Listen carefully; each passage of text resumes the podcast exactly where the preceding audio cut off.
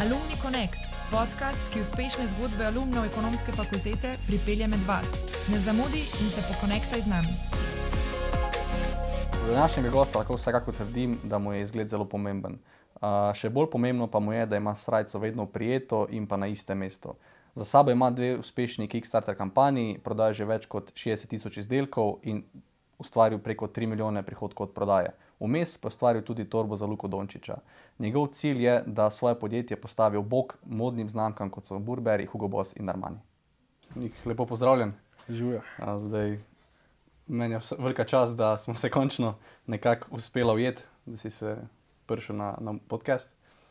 Zdaj, jaz sem si nekako tako zamislil, da bi v bistvu štartala čist na začetku, no se vsak podcast tukaj v bistvu Okay. nekako štartamo na začetku, ko, je, ko si bil še študent, ko si, preden si še bil študent, ko si se v bistvu odločil, zakaj točno ekonomsko fakulteto v Ljubljani. Okay.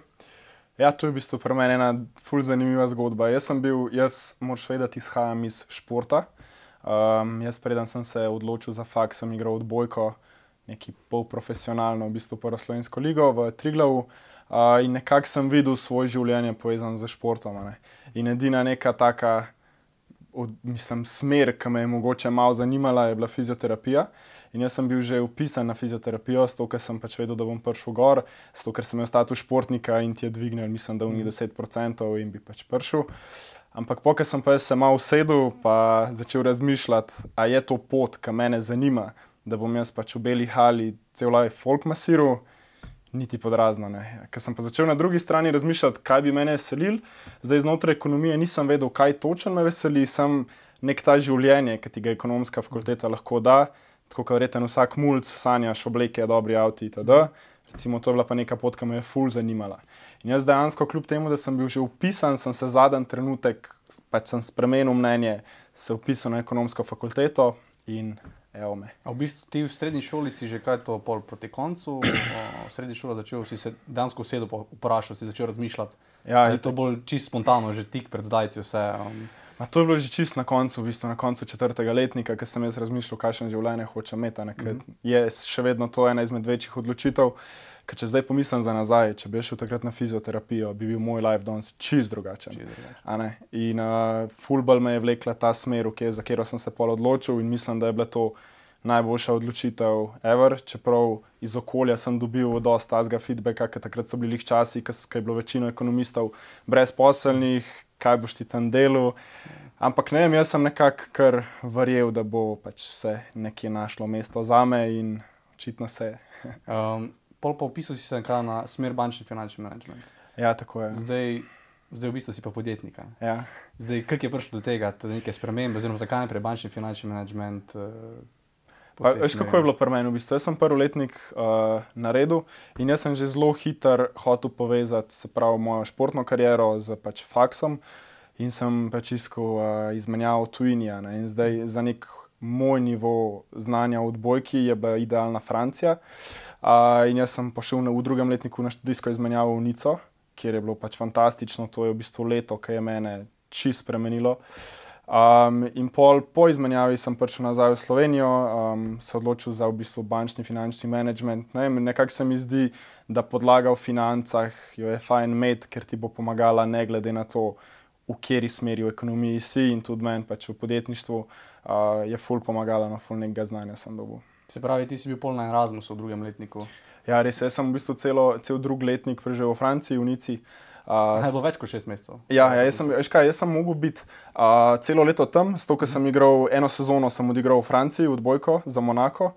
To se zdaj sliši ful dobro, Monako. V praksi ni to tako dobra ekipa, ampak bilo je ok.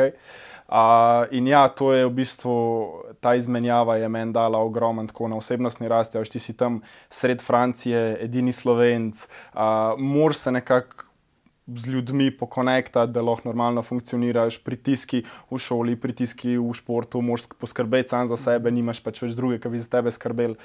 Plus tam je dejansko fulenih. Um, Ful, ful zanimiv mindset sošolcev sem videl, recimo na Edeku, kjer sem študiral. Pa če sem imel recimo ta, ta faks, na katerem sem jaz bil, je full popularen v tujih državah. Tako Slovenci imamo full odprtih mest, ampak je tako vedno v generaciji eden, ki gre mogoče tja. Tako tujci se pa tepejo za ta faks, ker je v pač, evropskem merilu full priznan. Jaz nisem tega vedel, šele ker sem tja prišel, so mi sošolci to povedali. Um, in jaz sem imel dejansko sošolce iz res uspešnih, pa premožnih družin, tako next level, kaj je Slovenija. Tako ena anekdota, se spomnim. Uh, tako pred šolo sploh ni bilo parkingov in jaz pa en rust, ko hodva in prijo pred šolo in tam nov BMW M6 in jaz ko vole ta avto. Veš. In on tako, on je moj, in jaz tako, ha, in tako model da ključe, in tako, in tako, kvališ. Ne, in fulje je bilo zanimivo, predvsem pri teh ljudeh. Prva stvar, oni niso nikoli na ven tega kazala, ne, mm -hmm. pač ni, ni bilo tega. Te, te bahatosti, kako naj to rečem.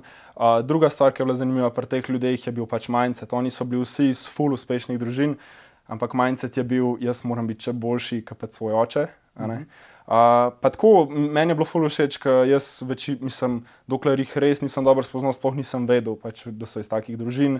Tako bili so fully komunikativni, odprti, hotel so se mrežati, razumeš in to neka tega mešanca mindseta, kjer ti hočeš biti fully uspešen, ampak po drugi strani si še vedno prezemljen. To je meni čist. Pff, Mi je naredilo v glavi vrtiljak, kako naprej lahko se odvija. V bistvu si po mojem, že tam pol začel nekako uh, se usmerjati v neko podjetništvo. Ja, veš, kako je bilo. Mislim, tam smo se mi ful pogovarjali, veš, kaj smo tako, mi, smo le, ful smo začeli ven hodili, ful smo žurali v tej nici. Uh, ampak dejansko tam smo se ful pogovarjali o pač, biznisu, o podjetništvu, o takih stvarih. In na tisti točki sem jaz že vse pripravljen. Jaz, jaz sem hotel zaštartati svoj projekt že eno leto prej. Jaz sem takrat že pripravljen, ker sem bil v Franciji, že v bistvu praktično vso slikovno gradivo, video, tekste, vse te stvari.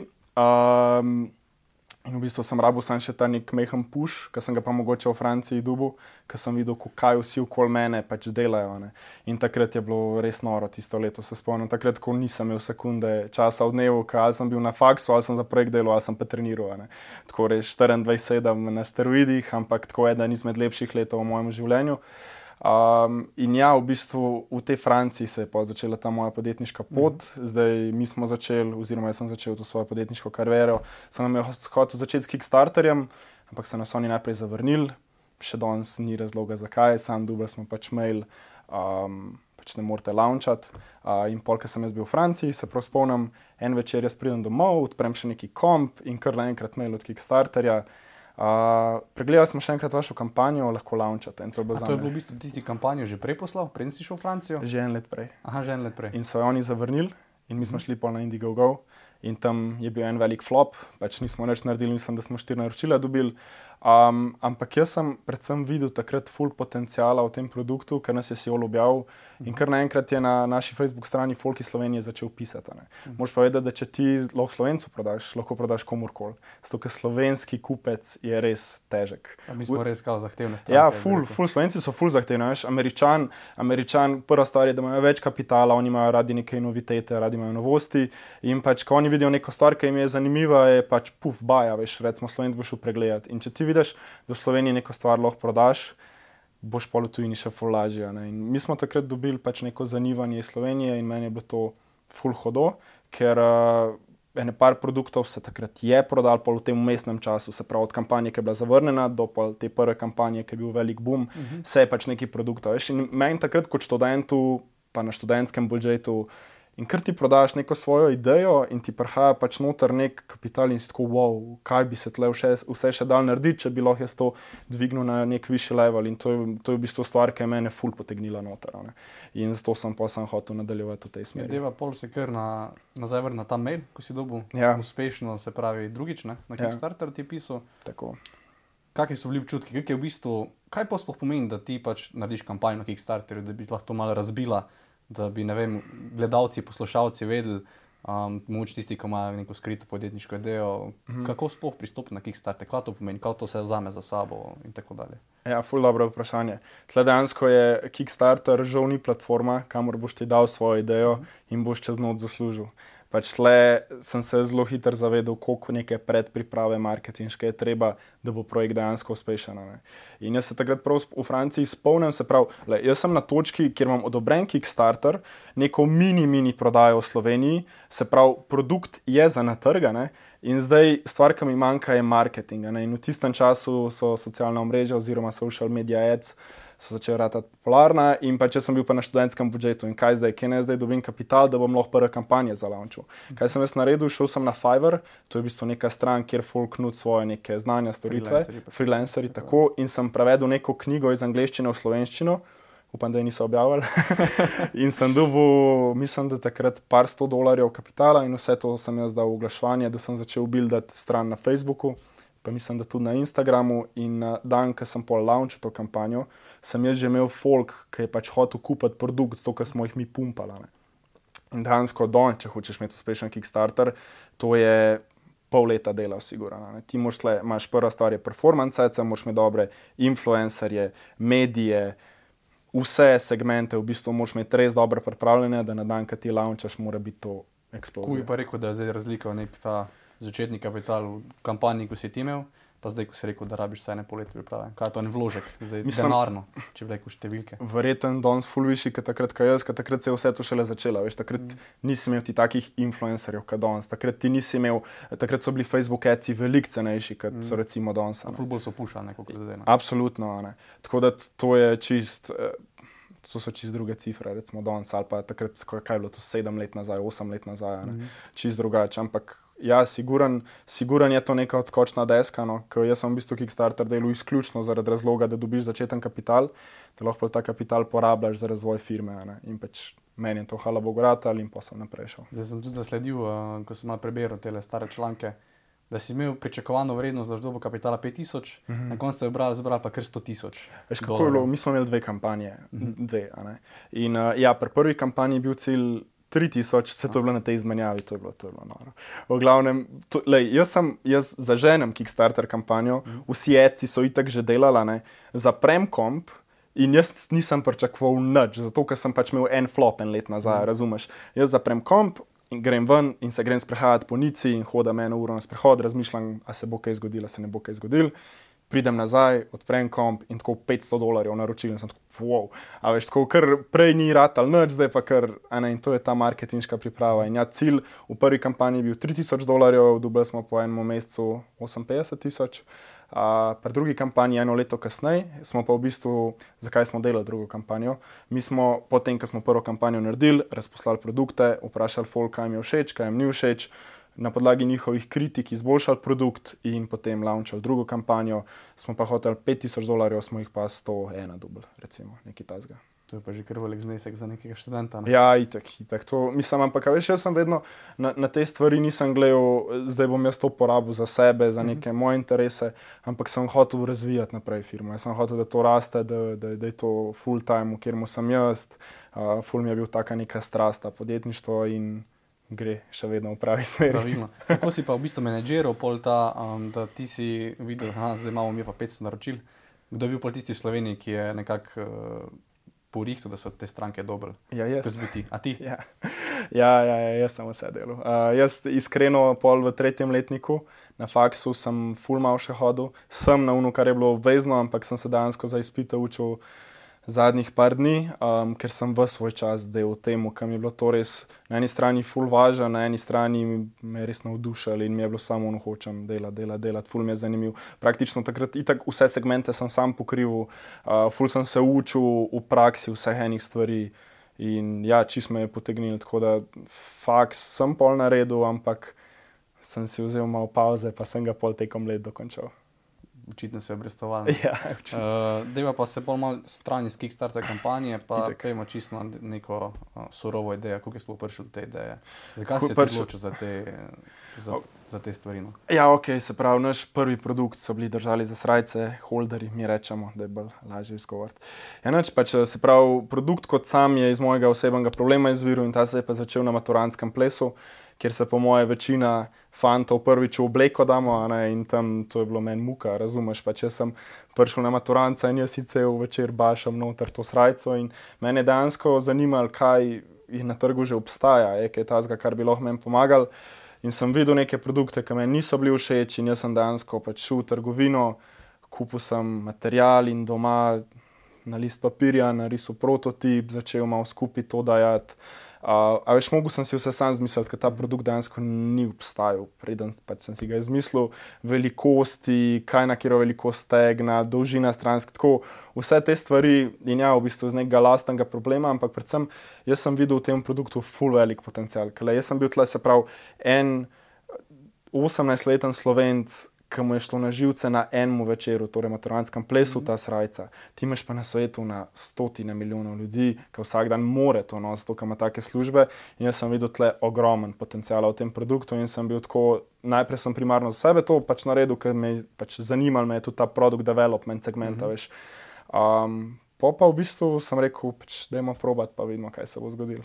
In pol se je vse zapeljalo, kot si prej povedal. Ja, tako pa v bistvu se pravi, produkt je bil narejen, hoteli smo prvi Kickstarter, flop, pa, pa čez en let na izmenjavi prva uspešna, pol vmes v tistem času um, smo v bistvu postavili spletno trgovino s tem kapitalom iz prve kampanje, uh, začel se je iskati, uh, se pravi, retailerje po celotnem svetu, no v bistvu smo na Finsko prišli dva butika v Nizozemsko, na Nizozemsko je dva butika, New York, v Sloveniji smo v parih butikih.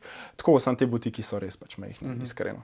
Um, in ja, in pa se je začel narediti drugo kamp kampanjo za Kickstarter. Usporedno smo še vedno pač imeli Facebook, ECE, Instagram, ECE, vse na spletno trgovino, razvijali smo v mestu druge produkte, eni so bili uspešni, eni niso. Recimo, vem, usnjene torbe smo lansirali na trg skupaj z Lukom Dončičem, uh, to je bil neuspešen produkt, recimo tako, veš, in pol pač dejansko je pot pripeljala do leta 2018, ko smo pa, ko v bistvu nas je Amazon sam najdel, Lizard, mm -hmm. mi smo bili na Kickstarterju.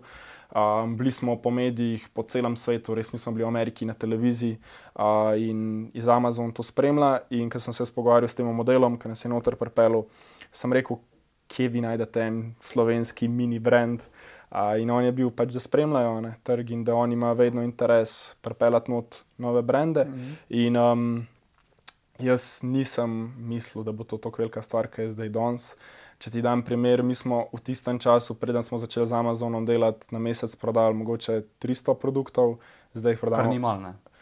Ni malo, sem recimo zdaj pa prodamo na mesec 3000. Ja, to, to je ta razlika. Konkretna razlika ja, ja konkretna. Razlika. Prednji sploh si prišel do Amazona, da mi povej v začetni fazi, da ne bi rekel produkt development. Uh -huh. Kuk si ti sploh zdaj se lotil tega, zdaj pa moram jaz najti, ne vem, verjetno neke šivilje, neke izdelovalce, da bi meni to naredil nek proper produkt, ne? da nisem jaz to doma za nekim buckam skupno meto. Ne? Ne, da, Kuk si se to lotil? Dejansko ta prvega sem jaz sam z nekimi buckami, pa z umu s penjačom za papir, sem na elastiko, material, gledaj, tako igral sem se, a veš, neki maga sem šivati, prob.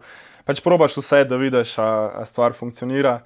In stvar je funkcionirala, in ja, pa smo se pač povezali, in pa so oni naredili ta prvi prototip, in tako je pa stvar. Ah, to si v bistvu, kaj, čisto random kontaktiral neke. Ja, ja to, a veš, takrat, ko si ti pač nek študent, ki nimaš v biznisu nobenih izkušenj, pač imaš Google. No, se to me zanima. Ne? Tako Google, pa, pa znajce. In dejansko prek Google sem pač volil to najdel, in pa smo tako začeli. Um, ja, zdaj pa pojmo kar konkretno Amazon. Uh, se pravi, to je kaj pogodbeno sodelovanje?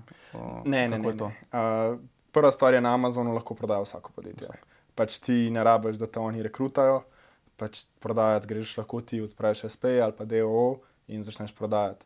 Um, mi smo imeli mogoče to srečo, no, da so oni nas najdel in so nam skoraj cel know-how dal, v bistvu praktično od vsega, od tega, kako narediti račun potem kako narediti listinge, potem kaj je pomembno na slikah, kaj je pomembno na tekstu.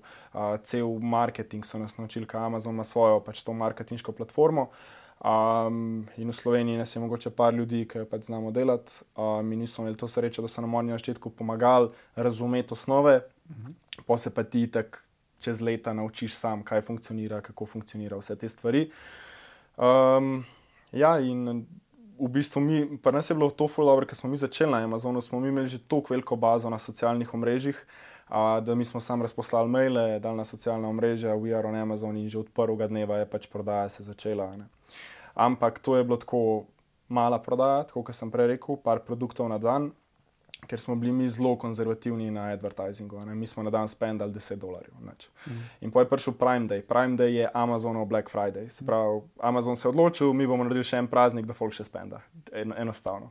Uh, in uh, takrat je v bistvu nam ta model znotraj Amazona rekel, dajte probat za te dva dni povečati budžet in mi povečamo budžet iz 10 baksov na 100 baksov in puf na dan jih prodamo 30. In tako, okay. Očitno je problem, da premalo spendamo. Danes, ko smo mi skozi spendali, spendali, spendali in recimo danes mi spendamo na dan recimo 800 dolarjev, um, ampak ne moramo spendati več. To je zdaj, pač mi smo dosegali ta cap. Zakaj? Zato, ker ti na Amazonu plačaš na klik. Se pravi, ljudje, ki iščejo tvoj tip produkta, napišejo na Amazon, ne vem, Shirt Stays uh -huh. in vrže ven pač te, ki si konkuriramo, ki tekmujemo med sabo, in pol pač kliknejo. Ne? In ti si omejen, koliko kako veliko število ljudi išče, recimo, naš dotičen mm -hmm. produkt. In zato pač smo mi tle omenjali teh 800 dolarjev. Zdaj, če bi šli mi prodajati neke t-shirte, ki jih pa išče na dan, po moje 10 tisoč ljudi, tam bi pa lahko spendil, kar bi hotel. Mm -hmm. In dejansko, ja, dejansko se je pol tako skalal, da se je v bistvu uh, spendal iz meseca v mesec več, dokler do tega kepa nismo prišli. Druga stvar je bila to, da smo ful začeli na reviewih delati. Ker um, Amazon s slabimi reviewi ne funkcionira, v osnovi moš imeti res, res dober produkt. Uh, da pač boš lahko to dolgoročno igral, ker mm -hmm. pač, če, če boš ti naenkrat padel pod ceno 3 nič, lahko pozabiš, da boš karkoli prodal.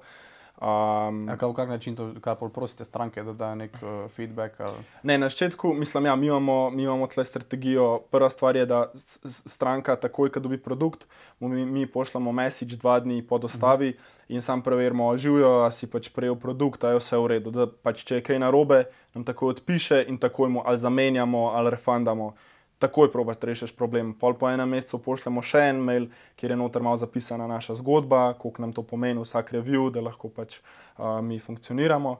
Um, po pa, če dobimo slabe revije, se pa pač najde z te stranke in jim pač probiš rešiti problem. Vse oni, oni načeloma, mislim, fulje fora, da zdaj približno leto, dve nazaj je Amazon dodal porek revijev še rejtinge. Mhm. Kaj je razlika? Rating folk sam pritisne od 1 do 5 zvezdic in ti ne veš, kdo je to dal. Se pravi, če ti dobiš eno zvezdico rating, ne moreš to rešiti, ker ne veš, od koga je. Ja, pa lahko tudi namenoma za nalaž. Itak, samo morajo kupiti tvoj produkt. Aha, okay. uh, če je review, mora nekaj napisati zraven in ti veš, kje oseba je to.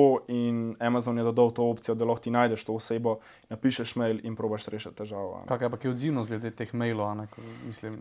Danes veliko stvari preleti v mailbox ljudem. Ne? Ja, ne, sej, um, dejstvo je, da Amazon full omejuje pač mm. maile. Ti, mi, nažalost, nimamo mailov od vseh naših strank. Ne? Ti dobiš možnost kontaktirati prek Amazonove platforme samo te ljudi, ki so pač ti dali one star review.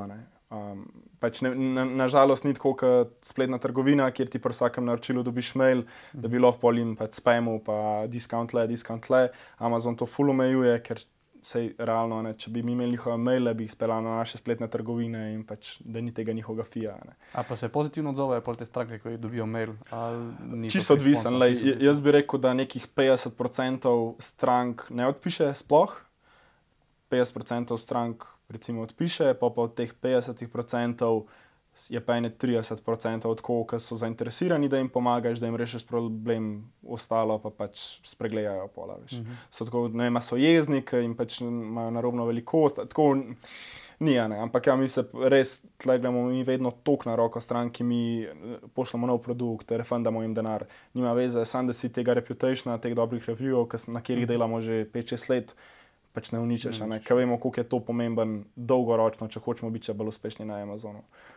Zdaj pa rekel si, ne, valjda, v podjetništvu imaš ti uspehe, imaš tudi neke neuspehe, ne, oziroma lahko tiste neuspehe, pa se nekaj naučiš, pa pol ja, ja. tega uspeha. Umenil si Luka Dončiča. Uh -huh. uh, kako je prišlo tukaj do sodelovanja, do te torbe? Do, Mislim, prva stvar je ideja sploh. Ja, ja.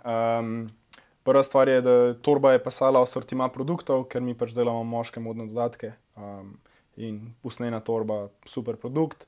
In pač jaz pa Luka imamo skupne kolege a, in prek tega smo se pač zmenili.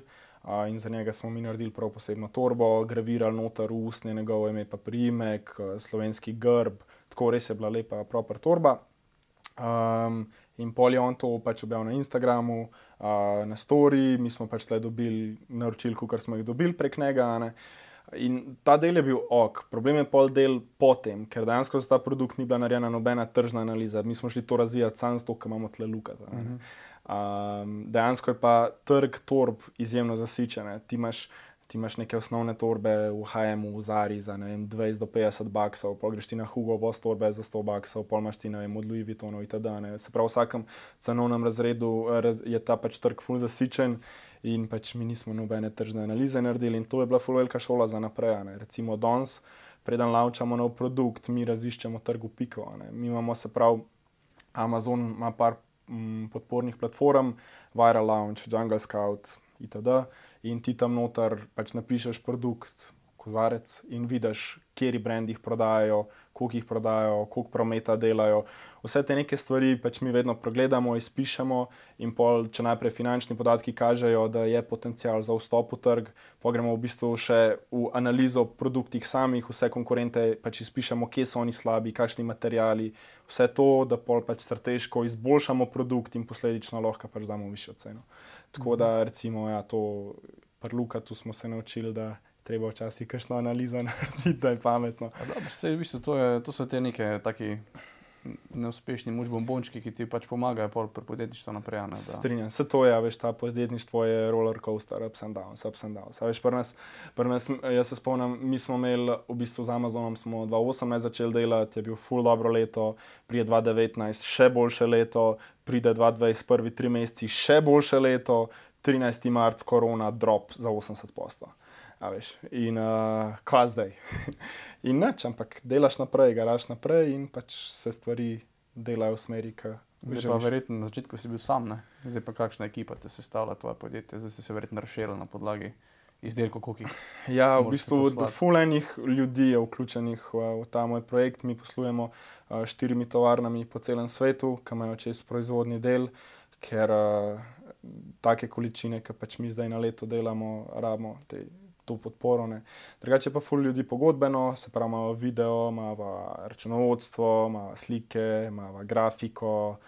Tako da, ja, uh, vsi so v bistvu kaj zaposleni, dije, to so pač neki. Ne, ne to so po, pogodbeni freelanceri, na projektih delajo, s tovarnami smo pa itek skozi navezja, veš, kaj itek ti rabiš skozi vedeti, da boš imel dovolj zaloge, mm -hmm. da ti mhm. ne zmanjka in tako take stvari. Kako pa, pa si prišel do teh tovarn, recimo, to je tudi mogoče eno tako vprašanje, ko se nekdo, ki je nekako že svoj biznis nekam pripeljal, ne? mm -hmm. pa potem, kako dobiš nek kontakt, recimo, ne, iz Kitajske, pa ne vem, mm -hmm. da mhm. boš zdaj se zmenil, da pa bi delal za te neki. Ja, ja um, mislim, zdaj, ki si jih omenil Kitajsko, ne, pač mi iz Kitajske imamo samo en pol proizvod, se pravi, sam uh, klipsne na, na holderjih, so iz Kitajske, pa regulatori. Uh, in dejansko za Kitajsko je pač vedno Alibaba, v osnovi greš tja, pogledaš različne tovarne, uh, prosiš, da ti pošljejo sample, oziroma moš te sample itak plačati ponavadi. Uh, in že, že pri teh samplih vidiš izjemno razliko med kvaliteto.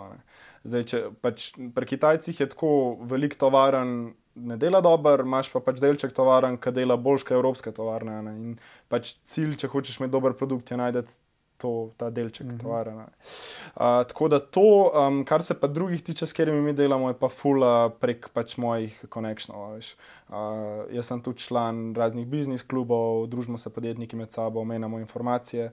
In prek tega sem v bistvu dobil nek kontakt. Pač v bistvu bi kapal tudi rekel, da je to ena tako zelo dobra stvar, da si nekako član teh združenj, ker v bistvu konekšaš, konekšne delaš z ljudmi, ki ti lahko pomagajo v biznisu. Pa. Jaz bi rekel, da vsi, ki smo v biznisu, pač to je osnova, networking. A veš, brez networkinga zelo težko daleč prideš.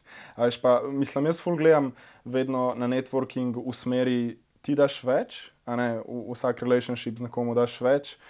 In vedno na neki točki se ti bo to povrnilo. Če ti pač probaš delati dobro, širiš svoje znanje, pomagaš folku na razno raznih projektih, um, Slejka prej se ti že vrne. No. Meni se je že parkrat zgodilo, da, da je pol od ljudi, ki nisem pričakoval, so mi oni pol odprli neka vrata. No. Tako da to bi jaz rekel, da je pač osnova ta network. Da se pa nekako lepo pelje, nekako poključuje z tvojo zgodbo. Siguren, veš, siguren. Pač se, mislim, da to je meni fully všeč, ta slovenski environment. Še vedno je Slovenija tako mehna, da pač se skoraj vsi poznamo, recimo v tem ujikom svetu, mm -hmm. kjer sem pač čest se vsi poznamo in pač vsak je malo specializiran na neki. Jaz sem recimo bolj na Amazonu, en je bolj na Facebooku, en je bolj na CEO, en je na Affiliate. Ne? In vsak ti lahko neko znanje da. plus stilo, vsakmu neko znanje daš. In v Sloveniji se meni to, di, to zdi fantastično, ker pač si delimo, veš, ker ni pač uno, da vsak po svoje Nekaj dela. Ne. Sam kje pa tista meja, recimo, ne, da se po mojem te mladi se, se, se ustrašijo, ne, da v bistvu, kaj če bo me nekdo idejo ukradel. ne. Dobro vprašanje. To sem jaz isto imel te pomisleke. A veš, ko sem jaz začel s to, pač z, z, z holderji, sem bil to bo meni vsak hotel ukraditi, sto posto, to je najjača ideja. Pa pol v praksi vidiš, da ima vsak sam sabo toliko dela, da ne bo. No. Mislim, plus v mojem primeru večini, večini ljudem eh, je bil produkt, se jim sploh ni zdel, da bi to lahko prodal v taki količini, ki smo jih mi zdaj do te točke, ne, in pač nobenemu ni bilo zanimivo. Tako da to, da ti zdaj šparaš to neko idejo, pa ne govoriš drugim, ne vem, meni se zdi, da, da ti načeloma folk ne bo ukradel. Plus druga stvar, ki se je pa nam zgodila. Mogoče, mislim, mogoče ti je ne bo folk v Sloveniji ukradel, ko boš to enkrat lansiral na trg po drugih državah, Kitajci v parih dneh. Nam se je zgodilo, ko smo mi launčali prvo Kickstarter kampanjo, po petih dneh od launča so bili na Alibabi že feki. So že naredili. A veš, tako da je pač vseeno. Mislim, Kaj je takrat občutek, v bistvu, verjetno kaj jeza. um, Pa ja, itak. Mislim, danes je to tako, pravijo, da če si uspešen, te kopirajo. ne. To, da to je kompliment, ampak na tisti točki takrat je bilo pa to, ja, valjda, ko me vi kopirate, vzamete mi trg. Ne, ampak eh, itak je to, mislim, mi imamo tako velik del trga, da je v bistvu še fajn, da so copycati iz Kitajske, zato ker oni res prodajajo slab produkt in pa se fulkrat zgodi. Da stranka pač kup njihovega in ga čez par dni vrže v smeti, ker je za način prijena našega. in imaš Bi ga rekel, da je tri nek eh, pasivni marketing za vas, a ne, v bistvu, ker je Točno to boljši izdelek. Točno to. Uh, prej, ko si rekel, ne, v bistvu, ko si spraševal, da niso bili kolegi oziroma neki, ko doskrat se, go- se uči, oziroma tudi na faksu se pri takih predmetih, ne, da moraš ti vedno svoje kupce vprašati. Um, bi bilo, da ni bilo tisto, rečemo, ti si bil ful za svoje delo, ne pa bi ti pa ne vem, rekel pa 50 ljudi, ne, ja, ne, ne, to pa jaz ne vem, da te mm. ni ne. Mm. Si bil tako prepričan v sebe, v bistvu, ja. Bi bil kaj tvoj na svet, da vse nekako slediš, uh, kar si si zadal. Ali? Mislim, sigurno, ne, pač ne more deset, na podlagi desetih mnenj ti pač neki svoje mnenje spremeniti. Mm -hmm. jaz, jaz sem tle hotel predvsem targetirati ljudi, ki jim bi bil dejansko produkt zanimiv, ker v Sloveniji imamo mi pač bankirje pa pravnike, ki to nosijo, pa še pri njih ni zdaj nujno, da, imajo, da so oni formalno oblečeni. Če greš ti enkrat v nek New York, greš ti v LA, tam ti vidiš, to tam so vsi v oblekah. In jaz sem bil Jaz sem bil, pač moj cilj je bil, dokler jaz ne prezentam temu folku produkta prek ECO ali pa prek Amazona, pa da tam vidim, da ne morem prodati, ok, tam je pol tisto potrditev, ne moreš prodati. -hmm. Ampak, ker smo mi tam pač prezentali ta produkt in videli, v kakšnih količinah se to prodaja, je bilo tako, ok, očitno, očitno je bila dobra ideja. Očitno dobro, da je. Ja. Ja. Pol ste še pa nekaj, sem tudi zasledil, ste za, pa za žensko populacijo probavali. Ja, v bi- pa s tem? V bistvu se mi imamo na trgu več produktov, zdaj pač ni zdaj, niso zdaj samo okay. holderji. Ampak ja, pre, veš kaj pri ženskah, ženska, ženski projekt je bil ful zanimiv. ne. Veš kaj pri ženskah je vse ful bolj delikatno. ne. Mi smo delali ščipko, res tanki materiali, ampak pri ženskah imaš le dva problema. Prvi problem, ki rešuje. Uh, Ker je v bistvu že rešanje bodi, ženske nosijo, nosijo bodje, drug problem je pa, da one nosijo res uprijete, pač uprijeta oblačila in na hlačah tudi žepi se jim vidijo, kje se jim to ne bo videlo. Ne. In to sta bila v bistvu dva minusa, zakaj ta pro, produkt ni tako dobro funkcioniral, kot bi lahko. Ampak ja, pa smo, tako kot sem prej rekel, na podlagi tržnih analiz smo lansirali še par produktov na Amazon. Uh, eden je v bistvu set za smoking, prije metulček, robček. Kumarbund, to v Sloveniji nima smisla prodajati, ker sploh nimamo tega gala eventov. V Ameriki je to kul, cool, tega smo mi lam prodali dobrih 5000. Uh, rudke, eskote, uh, pa smo se malo igrali z, z usnjenimi uratanci za pse, uh, zdaj novo različico holderjev vam dajemo. Tako, veš, skozi skoz, uh, testiraš, probavaš itd. Uh, in na ta način pol probavaš. je v bistvu, recimo, ne, vsak, vsak mu se zdi to potencialno tako mikavno, recimo, no, če si človek take vrste. Koliko je pol tvoj delovnik, tvoj delovni dan? A je to, a ne, ko si ljudje mislijo, a moče pa to 8 ur pa čao. Ne, Ja, ne, ne. Malo Ne, o ne, tem, ne, ne, ne, ne, kako to zgleda. Ful odvisen od obdobij. a Veš, um, recimo, zdaj je obdobje kaj noro, um, ker firma Neverholder zdaj raste, plus jaz začenjam še eno firmo v nepremičninah in sta zdaj dvojno To delo. sem te mislil še tu vprašati. Ja, ja, bo še tja prišla. Um, in je full. Um, ne, veš kaj, predvsem pri tem podjetništvu. ne? Pač ti si 24-7 si skozi njemu. Pač ti, ki greš na dopust, vsaj jaz, komp z vedno sabo, vsak jutr se odpre komp, vsaj za urco dve, maile, pregleda, še je prodaja v redu, asociaci v redu, vse te stvari vsak dan, nima veze, imaš ti dopusta, nimaš dopusta. Pač ti si preklopljen na to firmo 24-7. Um, in vzame en kup enega časa, sigurno, ampak prenese tudi ogromno pozitivnih stvari. Tako da jaz si nisem nikoli urnika, mislim, delovnika meril, ampak verjamem, da če bi zdaj v zadnjih sedmih letih neko povpreče, 9, 10, 11 mogoče, sigurno. Um, ja. Ja, ampak se pravim, je pa to ne drugačni 90-11 ur, kot nekih 8 ur v eni službi, ki verjetno ti Itak. ne, ne paše. Ne. Itak, veš, kad ti, mislim, saj jaz zase lahko rečem, no, kad delaš stvari, ki te res veselijo. Recimo, meni osebno je ful zanimiv pri podjetništvu buildati podjetja. ne. Pač, ok, mi prodajamo produkte, kakršni so. Ampak meni, kar je zanimivo, je kako produkt iz nule prepeljati na ne vem, milijon prodaje in zdaj iz te točke še naprej in pol še naprej. To, ta building businesses. ne. To je in kad to vsak dan delaš, razmišljaš, kaj še to, kaj še to, kaj še to. To je fun stuff. Ja, v bistvu te pač nekako tudi motivira hajpa na Itak, zasebnem življenju. Se. In je, in je tako, jaz to sploh ne vidim kot kot joba, veš, ker je tako nedelja zvečer. Sem tako, ko mi čaka in ter ponedeljek jutr. jasno. ne, se prije tudi obtove, ker sem tako, o, kaj bi zdaj šel na off, a veš, pa tudi si moraš vzeti off, siguren. Mm -hmm. Ampak uh, jaz načeloma se vedno ful veselim naslednjega dneva, naslednjih izzivov, take stvari. Zdaj pa, ko si rekel, da je še pa eno podjetje, da si zdaj še pa malo v nepremičnine zaplul. Tako, si mislim, sploh prišel do tega? Zakaj? Pa to je v bistvu že, že dolg neka moja vizija, cilj, um, da se ne razvija podjetje samo v eni branži, tle kaj pač imamo zdaj, Nova Holda je v bistvu e-commerce, fashion, Amazon. Zdaj, zakaj ne bi probal še neke druge branže? Ne? In Recimo, moj prvi stik z nepremičninami je bil tri leta nazaj, ko sem si jaz prvi stanovanje kupil. In mi je bilo ful zanimiv cel proces, veš, um, spet nekaj novega, nič ne veš o tem, kako zdaj vse to delati. In zdaj v zadnjih, v zadnjih dveh mesecih sem, se mi je pač priložnost pojavila v, v, na Hrvaškem, pač bomo postavili eno mobilno hiško in pač turizem. Ne. In se pravi, zdaj si spet na tej nuli, ki sem prej rekel, ki ti ne poznaš ne Bookinga, ne Airbnb-ja, uh, vse te pogodbe. Moraš, mislim, zdaj to itak že šlo skozi, da smo vse te pogodbe podpisali, uh, interior moraš narediti. A veš, Tako spet so novi izzivi, ki se jih moraš v bistvu z isto ekipo delal ali to si zdaj čist nek nov? To, to bo pač ljudi. ločena firma, Ločena firma. ampak ja, se to zunani izvajalci delajo, ne. jaz sem pač načeloma samo odločitve sprejemil.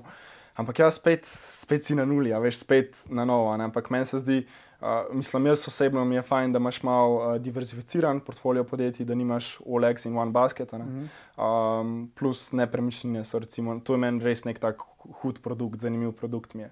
Um, plus bomo videli, zdaj, kako stori. A veš, ful je, ful nekako povezava je med recimo Amazonom, ker ti pač prodajaš produkt in hočeš revije, ali pa zdaj, ko bomo mi pač prek Bookinga ali pa uh, um, Airbnb-a oddali, spet ti spet pač moraš narediti turistu oziroma pač stranki neko nepozabno izkušnjo, mm -hmm. da bo on še hotel prijeti. a ne. In, in, in iz tega lahko ful nekih uh, procesov, ki imamo že postavljeni, lahko pač potegnemo sem. a ne. Tako malo se povezuje vse skupaj, na drugi strani si pa tam na nuli, ker pač moraš vse spet Ja, v bistvu ta razumevanje z vidika stranke, ne pa nek Tako je. marketing preview je že nekako neka poznana vaša pot. Ne? Ja, ja. Zdaj pa valjda drug izdelek. eh, Ampak zdaj, od začetka boste sam eh, za turiste, ali pa hočeš tudi imeti razširiti, rečemo še pa ne vem, za prav na vem, osebne najeme za, ži- za živeti ali pa za prodajo. ja, mislim, uh, predvsem, predvsem del kapitala, ki ga Neoholder zdaj OO generira, se pravi Amazon firma, uh, pač investirati še v take stvari, kot so recimo turizem, zdaj lahko je to kot zdaj na Hrvaškem, mogoče kdaj tudi bomo kakšen projekt sami se zidali, pa ga polnemo dal. Tako, ful je tle še ni nič jasno določeno, a ne, ampak tako ful je enih idej, ki se jih tle noter da delati. a. Tako da sigurno je pač plan obe firme, da, da pač raste. Zakaj si se odločil najprej za Hrvaško, da ne za Ker Slovenijo? se je tam priložnost pojavila. Aha, Če iskreno, ful, ful lepa parcela, ob morju se je pojavila uh, in spet pač prek ne. Um, in so iskali še enega investitorja zraven, in pač meni je bilo to v interesu, in smo šli v to noter. ne. Tako da iz tega stališča. Zanimivo. Zdaj pa na zadnje sem pazil na tom LinkedIn-u, si pa tudi za ta družbeno odgovornost, ko si rekel, ne? se pravi, nekaj dobiš, nekaj daš pot nazaj. Mm -hmm. V tem je se združenje, mm -hmm. imel si neko izobraževanje. Mm -hmm. um, kako je pa kaj s tem? Pač, to je tudi v bistvu, kaj to je prostovoljno, to mm -hmm. je, um, da nekako neko, nekaj daš nazaj, komuniti v bistvu. Ja, vse tako, kot smo se prej pogovarjali, tudi recimo na ekonomski, uh, doskrat študentskim organizacijam me kontaktirajo, da bi prišel pač to svojo zgodbo povedati. Um, klubi tudi mentoriram, pa, pač razne start-upe za Amazon. Ja, mislim, jaz full gledam na to, da pač probaš delati dobro, probaš pomagati. Slejka prej se ti se bo obrnil, pa se ti bo na nek drugačen način vrnil. In ja, jaz vedno take neka povabila, ki dobim, ali pa ki nekdo pač prosi za neko pomoč. Uh, z veseljem preskočam, ker um, se mi zdi, da je to dobro vložen čas, no, da, tudi, da, da ne smemo biti egoistični, ne, da moramo mm -hmm. pač pomagati en drugmu. Um, ker tudi meni, ki sem začel pot, so ljudje pomagali, ker sem jim še danes hvaležen, pa sem zelo dober kolega z njimi ratu. In tudi z veseljem jaz z drugim pač to neko znanje, ki sem ga v preteklih letih dobil. Če bom nekomu neko bližnjico naredil, da ne bo delal istih napak, ki sem jih jaz, so oba zmagala. Ne. Kaj so pa neki, bi rekel, zdaj še za konec mojega pogovora, neki poslovni cilji za oba podjetja, pa neki osebni cilji, ki jih imaš. Kaj bi rad dosegel, recimo, da jim rečem, v roku desetih let? Pač, mislim, kar se, kar se uh, poslovno tiče, sigurno pač rast obeh firm. Nova Holder zdaj on razširi ta sortima uh, tudi če v druge branže, ne samo v meni, fashion accessories, to, kar smo zelo omejeni, ker je cel trg mogoče 20 različnih produktov. Um, mm. Tako da to, ampak se pravi, treba je full dobro analiza narediti. Da ti polk greš v neko nišo, ne, da veš, v kaj se spuščaš. Ne? Tako da, absolutno širiti produkte, pa več to firmo. Tam pa tudi, ne, kar se tiče nepremičnin, iskati nove, nove zanimive projekte. Um, predvsem pa se mi zdi, da je pomembno kupcem lajšati ali pa lepšati life. Po eni strani z Neverholders firmo jim lajšamo življenje, ker jim pač omogočamo produkte, ki jim pač neke probleme rešujejo, ali pa pri um, nepremičninah lepšati življenje, da pač ti ponudiš neko izkušnjo. Da pač vsi bo folk zapolnil, pa bo let, lep life imel. Tako da meni se to zdi ful pomembno, da je vedno kupec. On je, ja. on je, on je, on je kralj, kjer mu se pač mi podrejamo. Um, tako da to je. Kaj pa osebni cilji? Osebni cilji. Uh, Veš, da, mislim, tako, jaz, jaz, jaz imam tako filozofijo, da probujem biti uh, vsak dan boljši, kot sem bil včeraj kar pomeni, da imaš pač uh, boljše odnose z ljudmi, ki so ti blizu, kar pomeni, da več časa svojemu telesu po, po, uh, posvetiš, se pravi, da pač več si v športu. Uh, ne vem, shodam fitness, igram tenis, uh, go-karte vozim. Tako stvari, ki so mi pač zanimive, pa ki vem, da dobro naredijo za moj telo, več časa svoji glavi posvetiti, se pravi, branju, podcastu, izobraževanju. Tako take stvari. Zato je fully zanimivo, veš, recimo jaz pred 25 letom me te stvari niso tako zanimale, ne pol. Pred 25, da se je en klik v moji glavi zgodil, me pa ful spet te neke stvari začele zanimati in zdaj ful, ful, ful raziskuješ svet. Tako. Uh mhm. -huh. tako da ja, pač neka moja ta življenjska filozofija, probiš biti en procent boljši, kot si bil včeraj. Um, in če bo šlo v tej smeri, bo super. To bi pa rekel še, rečemo, en tak motivacijski stavek ali pa eno tako krajšo za študente ali pa nasplošno za ljudi, ki imajo neko idejo, pa niso čiziher, da bi, bi štartali, kako narediti nekaj. Doskrat študenti imaš -hmm. te, a neko si rekel, um, se pravi. Zdaj, ali bom odprl podjetje, pa pol, da izgubiš, to je doskrat slišimo. Ne? Študenti, mm -hmm. imam pa bono, ne bo, pa tega ne bo, pa tega ne mhm. bo. V enem pa ne vem, ali mi bo to rad, sploh ja, ne bo. Ne?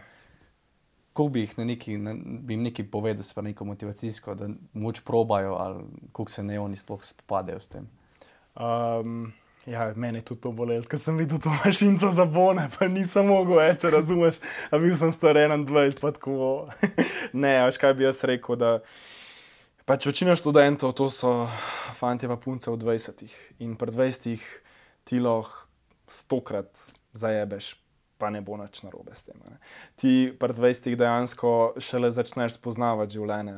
Ti pač moraš fejlati pri 20, a ne kaj ti, ki si recimo enkrat v 30, in pri 30 so že odgovornosti, ne pri 30 imaš ti odgovornost do pač svoje partnerke, imaš odgovornost do svojih otrok, imaš odgovornost, uh, imaš ne vem, kredit za, za fleta, veš. In mo, pri 30 se ti ful teži igraš pol, da bi ti še nek projekt zraven delal. Medtem, ko pri 20 je pa tako pač porab ta kapital za neke, za neke stvari, ki te zanimajo. Probi, lej, v, v najslabšem primeru se boš ful velik stvari naučil, pa mogoče boš ful ene samozavesti dubu, ki ti bo pomagala v nadaljem življenju. Pa, pa še za tiste, ki bo pa, pač probal nek projekt narediti, na začetku prodaja pa marketing je king. Res, jaz fulkrat vidim pri uh, startupih, ki jim pač jaz malo pomagam, malo pomentoriram. Uh, Um, oni imajo težavo, recimo, da nimajo full veliko prodaje še ne, in nimajo cash flow v firmi, ampak oni bi delali vse drugo, sam prodajo. Oni bi uh, dizajn embalaže izboljšali, tako vse drugo. Ampak ne, na začetku morate vi pač prodaja, prodaja, prodaja, da dobiš cash flow in pol uporabiš cash flow da pač začneš izboljšavati produkt, povečevati market, tako te stvari. Tako da res fokus na začetku, iskanje strank, um, pogovarjati se s temi strankami v produktu, ki ga imaš ali pa v storitvi, kako lahko to še izboljšati. Te stvari se mi zdijo res pomembne. Da ni preveč fokus na začetku, kako bo vse dejansko izgledalo. Lahko je tudi moč malo slabše, ker bi moglo biti, ne pa v bistvu. Stari, ki bi ti videl našo prvo kampanjo, ki jih starate. To je bilo, to je z mojim telefonom, to je bil po moje, jaz sem jo takrat iPhone 3. Tako, to je bil kader. Slika, slaba, produkt, grd, vse res, res slabo. Pač, kaj zdaj pogledam, ampak takrat v tisti točki se je meni zdelo, da je bilo vse super. Mhm. Ampak zdaj, ko pač so neki standardi postavljeni, je bilo to tako slabo. Ampak, veš, ko se ozreš nazaj, je bilo tako, ok, hodo, pač porabil sem vse, kar sem lahko, da sem pač probo mhm. narediti nekaj. Ne? In ne se obremenjevati s tem, če ni zdaj slika idealna ali pa video idealen, ker na začetku nikjer ne bo. Pač ti se pol čez čas učiš kaj je boljš lahko. Se pravi, fokus prodaja, marketing, izdelek bomo pa že nekako zrihtel tekom. tekom. Ja, ne, ni hvala, na, ker si se udeležil podcasta, pa povedal te uh, svoje insight stvari v podjetništvu. Um, hvala. Z veseljem, hvala tebi.